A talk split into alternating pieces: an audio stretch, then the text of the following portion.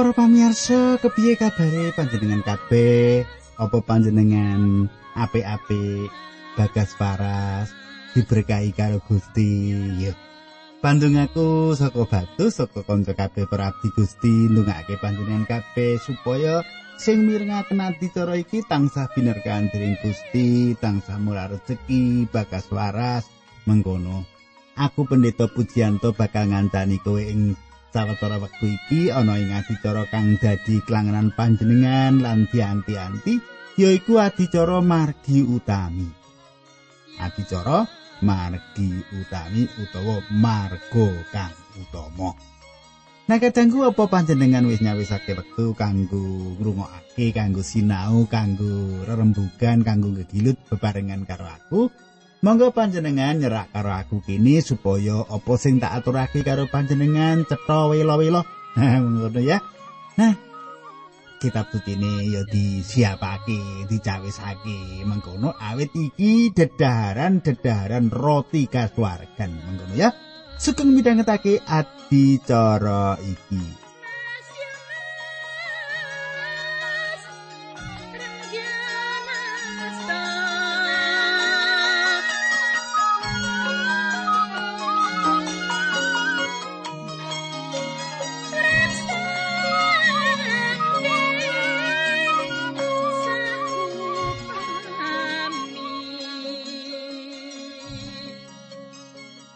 Pandongaku panjenengan isi kelingan apa sing tak aturake kepungkur babakan wong kanani sing anake njaluk diwarsake babakan Gusti Yesus maringi mangan karo wong akeh lan liya-liyane tentune panjenengan isi kelingan saiki arep tak teruske nanging sadurunge kuwi ayo padha ndedonga dhisik nyuwun tuntunane Gusti Allah supaya panjenengan dan aku binerkahan ana ing patemon iki. Monggo kemungkul kita ndek. Kanjeng Rama ing swarga kawula ngaturaken bunging panuwun menawi wekdal menika kawula saged tetunggilan malih kalian sederek-sederek kawula ingkang setya tuhu midhangetaken adicara menika. Kawula nyuwun supados paduka bikak manah kawula, batin manah kawula, pikiran kawula supados namung saged kaisinan babagan-babagan ingkang suci ingkang medal saking paduka Gusti. Dinambaran asmanipun Gusti Yesus Kristus kawula ndedonga. Haleluya. Amin.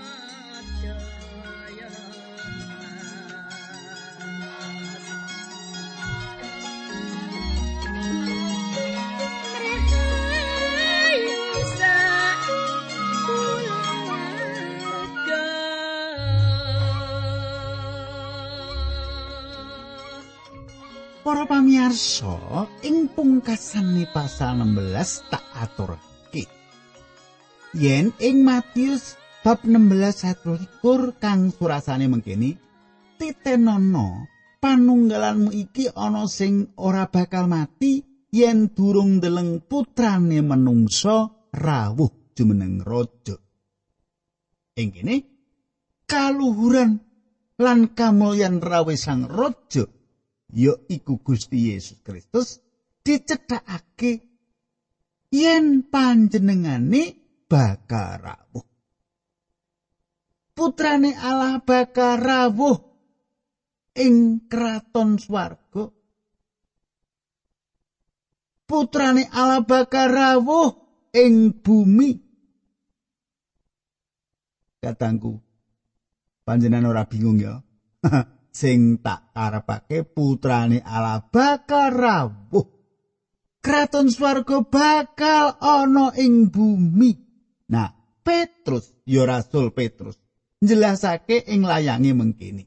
Coba panjenengan semak loro Petrus pasal siji ayat 16. Enggonku mulang marang kowe bab dina rawuhe Gusti Yesus Kristus kanthi ngagem panguwasa iki ora manut dongeng-dongeng pangotak atike manungsa nanging aku padha nyipati nganggo mripatku dhewe kamulyane Sang Kristus.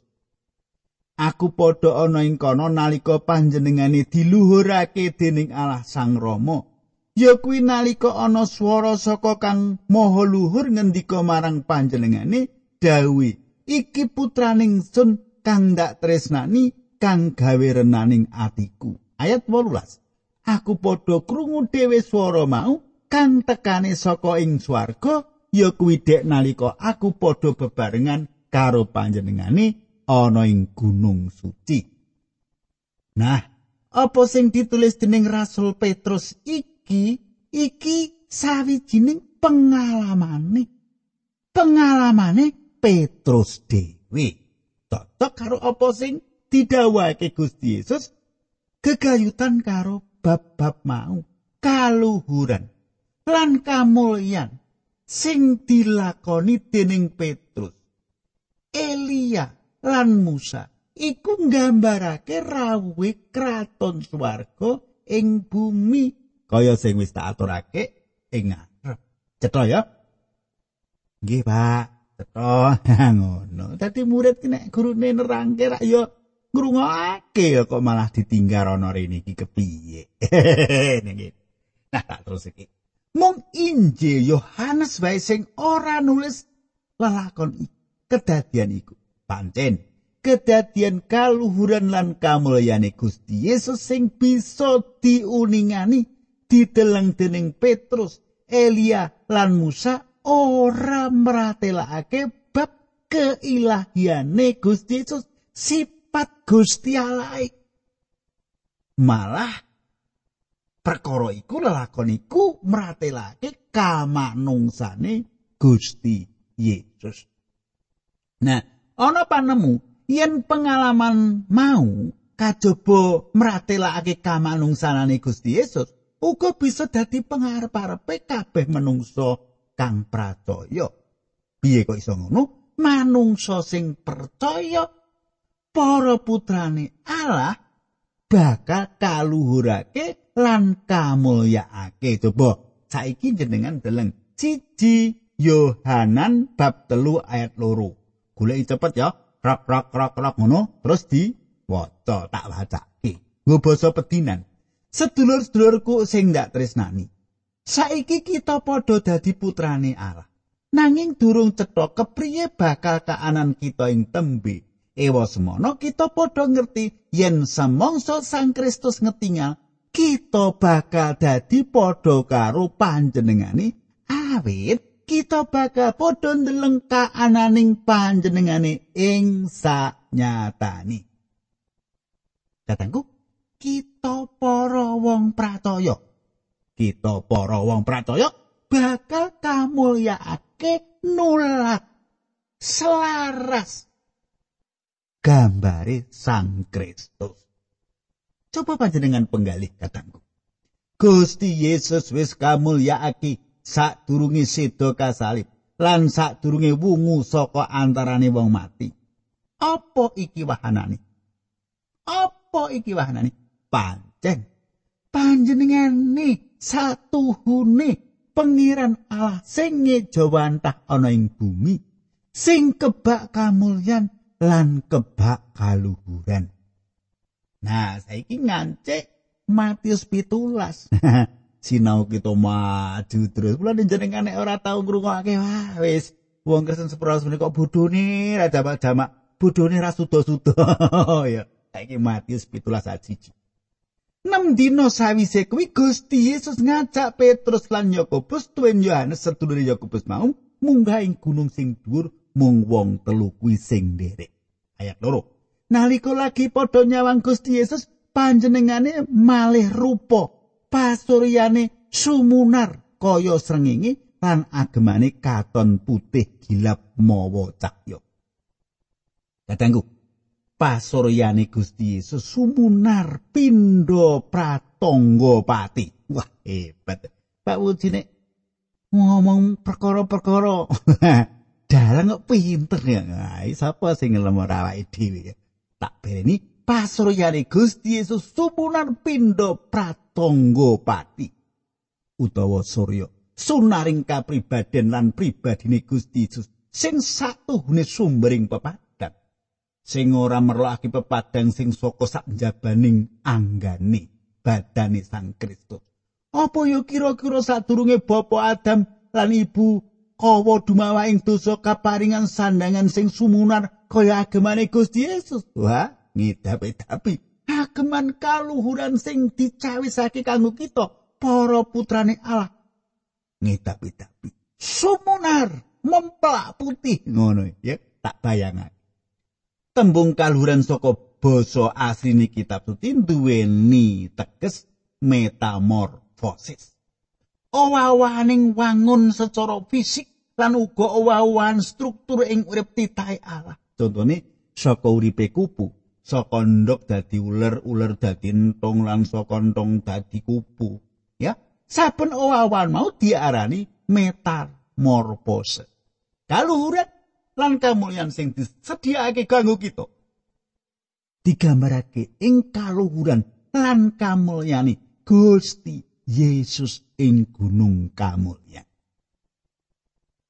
Nah, saiki terus ke ayat telu Matius pitulas. Para murid telu mau nuli padha weruh Nabi Musa lan Nabi Elia ngendika karo Gusti Yesus. Katanggu. Nabi Musa wakili sing padha ngugemi Torat. Nabi Elia makili para nabi. Loro-lorone wis padha sedo nanging para murid padha uninga kanthi kasat mripat. Gusti Yesus lagi padha imbal ngendika karo Nabi Musa lan Nabi Elia sing dadi underaning pangandikan bab sedane Gusti Yesus ing Yerusalem. Saiki Lukas 9 ya, Lukas 9 ayat 30 nganti 31 tak waca iki. Ujuk-ujuk ana wong loro sing padha ngendikan karo Gusti Yesus ya kuwi Nabi Musa lan Nabi Elia. Sekarone padha ngagem kamulyaning swarga sing padha dirembuk bab enggone Gusti Yesus bakal nandang sengsara lan sedo ana ing kutha Yerusalem sawetara dina meneh murih kelakoni rancangane pangeran. Matius 17 ayat 4 ya Petrus banjur matur marang Gusti Yesus. Gusti wonten ing mriki kita sami remen saestu. Menawi Gusti marangaken kawula badhe ngedekaken tarup tiga setunggal kagem Gusti setunggal kagem Nabi Musa lan setunggalipun malih kagem Nabi Elia. Kadangku Petrus sing wewatekane enggal micara kanthi blak-blakan matur tanpa kanthi dipikir. Matur tanpa dipikir. Ora ngerti apa sing dikandhakake. Mula Petrus dicentulo dicentulo ngerti ora jenengan dicentulo wi saya limo ya engko ora ngerti panjenengan. Sajrone Petrus lagi matur ana mega sing padhang banget. Tumurun ngemuli wong-wong sing padha ning kono lan banjur ana swara saka sakjroning mega mau ngendikani iki putraku kinasih sing gawe renaning penggalihku padha rungokno. Kadangku iki dawuhe Allah sang rama kita. Dawuh titah sing sinartan panguwasa pungkasan sing ora ana tandingane. Yesus putrane Allah sing kinasih. Ya jalaran panjenengane. Allah kersa ngendika marang jagat iki. Ibrani bab siji ayat siji nganti loro. Dek jaman biyen Gusti Allah wis kerep ngendika karo para leluhur kita srana patra pernawana. Nanging ing jaman wekasan iki panjenengane ngendika marang kita lantaran Kang Putra, ya lantaran Kang Putra kuwi nggone Gusti Allah nitahake alam jembar. Sarta panjenengane wis netepake Kang Putra mau supaya sing wekasane ndarbeni samu barang kabeh. Matius pitulas ayat 6 pitu wolu ya panjenengan gatekake. Saiki memang mulak malik ngono ya supaya jelas lan cetha ya. Mengkene surasane. Bareng para murid Gusti Yesus krungu swara mau, temahan padha wedi banget nganti padha sumengkem ing bumi. Nanging Gusti Yesus nyelaki para murid mau sarta njawil dawuh, padha ngadeka. Aja padha wedi. bareng padha ngadeg sing katon mung kari Gusti Yesus piyambak lan ora ana wong liyane meneh. Katangku sing katon mung kari Yesus mung Gusti Yesus sing ana ngarepe para murid mung Gusti Yesus sing ana ngajeng panjenengan Yesus mung Gusti Yesus piyandele panjenengan lan aku. Saiki cengo nalika padha mudhun saka ing gunung Gusti Yesus meling marang para murid-e apa sing kok deleng mau aja kok kandhake karo sapa wae sadurunge putrane menungso kawungake saka ing situ kadangku kenapa Gusti ngersakake ora diceritake marang liyan jalaran bab iku bagian saka Injil sing nyethakake, sing jlentrehake, sing jelasake bab sapa to Gusti Yesus iku sejatine. Nah, Matius pitulas ayat 10, para murid mau padha nyuwun pirsa marang Gusti Yesus. Kenging menapa para ahli Taurat sami trios, bilih Nabi Elia badhe dateng rumiyin. Kadangku iki pitakon sing wigati dening para murid. Ayat 11. Pangandikane Gusti Yesus, pancen Nabi Elia rawuh dhisik lan panjenengane bakal nyawisake samu barang kabeh. Kadangku iki kaya sing diwecake dening Nabi Maliaki sing dikersake yaiku Yohanan Pembaptis. Ayat 13 Matius 17.